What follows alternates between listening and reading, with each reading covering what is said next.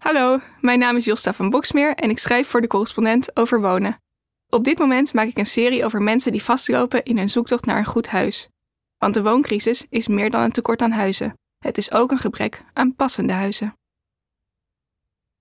Als ik het witte hek van een camping op het Noord-Hollandse platteland achter me sluit en het terrein oploop, beland ik in een soort tiny house idylle. Voor een grote staakerven staat een bonte verzameling banken en tafels. Open terras staat er op een houten bord. En op een ander, welkom. Even verderop kom ik langs een Mongolische joert. Op het achterste deel van het terrein scharrelen twee varkens. Ik tref Saskia bij het washok, waar ze samen met een buurvrouw de afwas doet. Ze is slank, heeft lang blond haar en draagt een gebloemd blouseje op haar blauwe spijkerbroek. Saskia zit op een hoge kruk, omdat ze niet lang kan staan. Ze heeft de chronische ziekte ME. Als we even later aan tafel zitten in haar caravan, een wit modern exemplaar, steekt de ene na de andere buurman zijn hoofd door de open deur voor een praatje. Allemaal bieden ze hulp aan. De een staat klaar om te assisteren bij het draaien van haar caravan. De ander draagt een overhemd van een grote busmaatschappij en is volgens Saskia nooit te beroerd haar een lift te geven. Het klinkt fantastisch, als het soort gemeenschapszin waarin onze individualistische samenleving een groeiende behoefte aan is. Maar de meeste campinggasten zijn hier niet omdat ze toe zijn aan een eco-vakantie met zo min mogelijk spullen. Ze hebben simpelweg geen woning. Daarom verblijven ze het hele seizoen op de camping, van april tot oktober. In de winter zoeken ze ander onderdak. Iedereen heeft een eigen reden om op de camping te verblijven: een ziekte, een trauma, een scheiding. Voor Saskia is ME de oorzaak dat ze geen eigen huis kan vinden. Twaalf jaar geleden, op haar 27ste, kreeg ze last van een alles overheersende vermoeidheid, hoofdpijn en andere klachten, zoals concentratieproblemen en een niet goed werkend immuunsysteem. Aanvankelijk dacht ze aan een burn-out, maar toen de klachten aanhielden, werd duidelijk dat er meer aan de hand was. Saskia vertelt: Ik kon niet meer werken, niet meer zingen, geen telefoongesprekken meer voeren. In een gespecialiseerde kliniek kreeg ze haar diagnose. ME veranderde haar leven compleet. Ze moest haar baan als muziektherapeut in een rehabilitatiekliniek opgeven en kon niet meer optreden als singer-songwriter. Haar inkomen viel weg en Saskia kon haar huurwoning in de particuliere sector niet meer betalen. Omdat ze niet goed voor zichzelf kon zorgen, trok ze weer in bij haar moeder in Elsmeer. Ze zegt: Eigenlijk hadden we afgesproken dat het voor zes maanden zou zijn. Maar twaalf jaar later heeft ze nog geen eigen huis. De eerste vier jaar kon Saskia simpelweg niet op zoek. Ze was uitgeput en bracht het grootste deel van de tijd door op de bank. Maar ook toen het dankzij een intensieve behandeling beter met haar ging, bleef het vinden van een huis zo goed als onmogelijk. Ze staat inmiddels 19 jaar ingeschreven voor een sociale huurwoning in de regio Amsterdam. Ook met de lange wachtlijsten is dat genoeg om iets te vinden, zou je denken. Maar Saskia kan niet iedere woning aannemen. Ze heeft een huis nodig in de directe omgeving van haar moeder, zodat die eten kan brengen en kan helpen met het huishouden. Omdat het verloop van ME erg onvoorspelbaar is, moet de woning ook rolstoel toegankelijk zijn. Het gaat nu een stuk beter met Saskia, maar ze heeft een paar jaar lang nauwelijks kunnen lopen. Dat kan zomaar weer gebeuren. Saskia is lang niet de enige die vastloopt in de zoektocht naar een toegankelijke woning. Betrouwbare cijfers zijn nauwelijks te vinden. Er wordt simpelweg te weinig onderzoek naar gedaan. Maar het is duidelijk dat het om substantiële aantallen gaat. In 2019 maakten onderzoekers de schatting dat minimaal 100.000 mensen behoefte hadden aan een aangepaste woning of hulp aan huis, terwijl ze dat op dat moment nog niet hadden. Vooral jongeren hebben het moeilijk, omdat veel toegankelijke woningen uitsluitend aan 55-plussers worden verhuurd. Toen Saskia zich meldde bij het WMO-loket van de gemeente Alsmeer, stuitte ze op een ander bekend probleem. Ze kon geen urgentie krijgen voor een aangepaste woning, omdat ze bij haar moeder woonde en dus geen zelfstandige sociale huurwoning achterliet. Een andere woning aannemen en dan urgentie aanvragen voor een aangepast huis was ook geen optie. Want als ze een onaangepast huis zou accepteren terwijl ze al ziek was, zou ze geen aanspraak meer maken op urgentie. In twaalf jaar tijd mocht Saskia drie keer een woning bezichtigen die geschikt voor haar was. Alle drie de keren ging het huis uiteindelijk naar iemand die wel urgentie had. Deze gang van zaken maakt haar extra afhankelijk van haar moeder. En niet alleen voor onderdak. Zolang Saskia geen eigen woning heeft, kan ze ook geen aanspraak maken op huishoudelijke hulp. Ze zegt: Als je onder het dak van je ouders woont, worden zij geacht mantelzorger te zijn.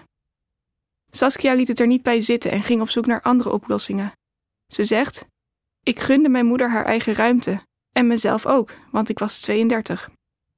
Ze zette een website op waarop ze zich aanbood als huisoppas in Elsmeer.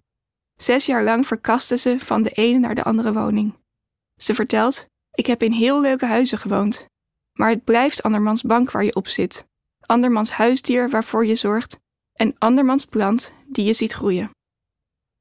Om toch een plek voor zichzelf te creëren, schreef Saskia zich in voor anti-kraakwoningen. Ze ging er zelfs voor naar Amsterdam.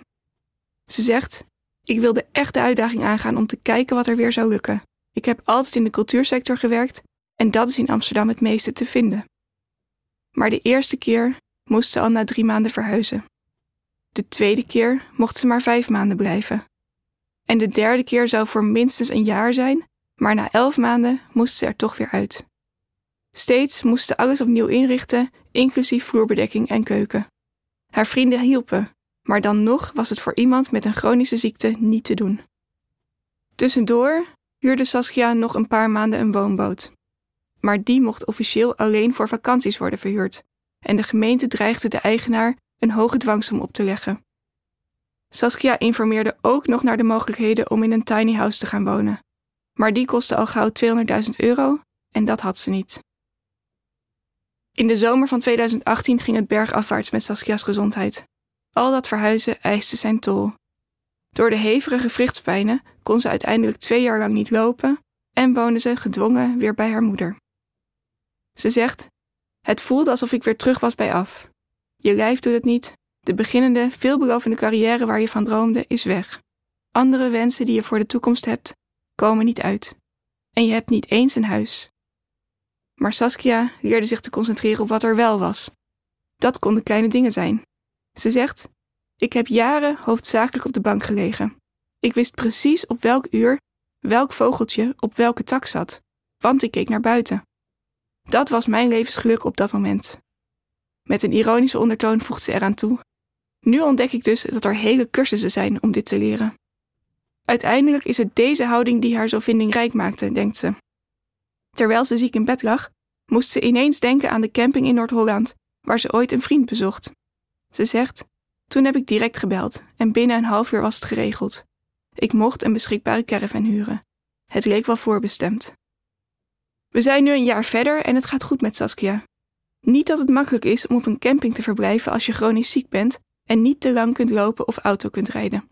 De wc en de keuken in haar caravan zijn aangesloten op een watertank die snel leeg is en dus moet ze telkens naar het washok.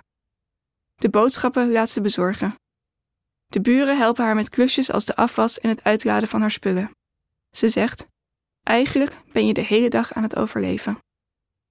Dat dat lukt is te danken aan de hechte gemeenschap op de camping. Vorig jaar, tijdens haar eerste onwennige dagen op het terrein, ontmoette Saskia een buurvrouw die ook ME heeft, die meteen begreep dat ze niet zo lang op haar benen kon staan. Saskia voelde zich opgenomen in de groep. Ze zegt: Het is voor iedereen het laatste redmiddel om toch een dak boven hun hoofd te hebben. Ze zou graag willen dat de vele campings en vakantieparken waar mensen noodgedwongen wonen, worden gelegaliseerd. Dat je er het hele jaar kunt wonen, er een officieel postadres kunt hebben en er aanspraak kunt maken op huishoudelijke hulp. Saskia zegt: Er zijn geen huizen. Dat tekort kunnen we niet binnen een jaar oplossen. Ondersteun dan alsjeblieft de alternatieve vormen van wonen die mensen nu noodgedwongen uitvinden om maar een dak boven hun hoofd te hebben.